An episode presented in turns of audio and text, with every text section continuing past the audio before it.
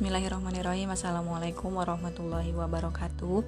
Kembali lagi kita dengan pembahasan berikutnya. Dalam Islam, kita sebagai umatnya dianjurkan untuk selalu berbuat baik, saling menolong dan meringankan beban satu sama lain. Hal ini sesuai dengan firman Allah pada Quran Surat Ali Imran ayat 92 yang artinya kamu sekali-kali tidak sampai kepada kebajikan yang sempurna sebelum kamu menafkahkan sebagian harta yang kamu cintai, dan apa saja yang kamu nafkahkan, maka sesungguhnya Allah mengetahuinya.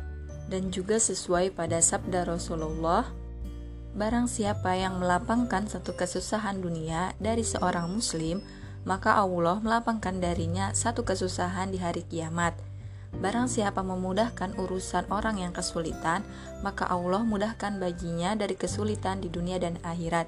Hadis riwayat Tirmizi. Ada banyak cara untuk kita berbuat baik. Salah satunya yaitu dengan menunaikan zakat, infak, dan juga sodako. Lalu apa perbedaan di antara ketiga hal tersebut? Yang pertama adalah zakat. Zakat merupakan salah satu rukun Islam dan wajib ditunaikan oleh setiap muslimnya yang telah memenuhi syarat wajib zakat.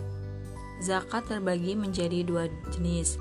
Yang pertama itu ada zakat fitrah dan yang kedua ada zakat mal.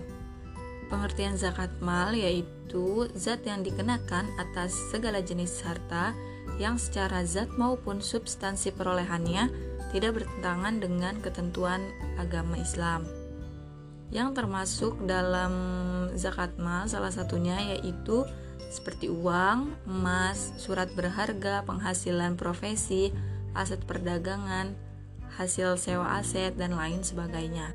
Yang kedua, sedekah.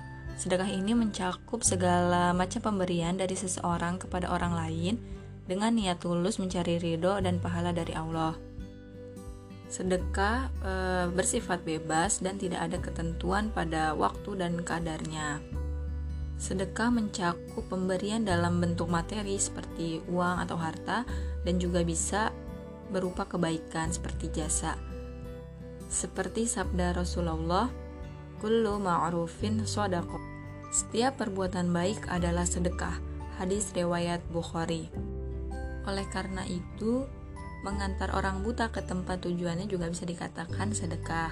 Begitu pula dengan e, apabila kita berbagi ilmu yang bermanfaat atau bisa juga dengan sebuah senyuman yang tulus kepada orang lain, itu juga bisa dikatakan sebagai kategori sedekah.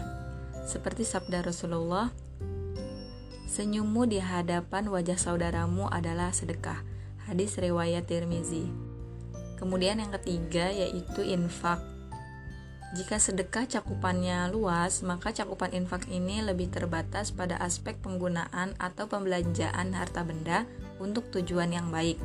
Infak sendiri berasal dari kata anfaqo yang berarti mengeluarkan sesuatu untuk tujuan yang sesuai dengan agama Islam, baik yang dihukumi wajib, sunnah, atau juga boleh. Misalnya, memasukkan uang ke dalam kotak amal masjid, atau memberikan makan fakir miskin serta anak yatim. Seperti yang dikatakan oleh Imam Fakhruddin Ar-Razi. Ketahuilah bahwa infak adalah membelanjakan harta benda untuk hal-hal yang mengandung kemaslahatan. Oleh karena itu, orang yang menyia-nyiakan harta bendanya tidak bisa dikatakan sebagai munfik atau orang yang berinfak.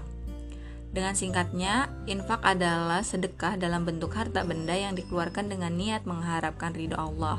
Tidak ada ketentuan kadar atau waktu untuk infak ditunaikan. Jadi setiap muslim bisa berinfak di mana pun, kapan pun, dan berapapun jumlahnya.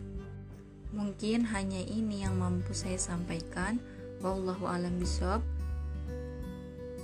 Syukron. Wassalamualaikum warahmatullahi wabarakatuh.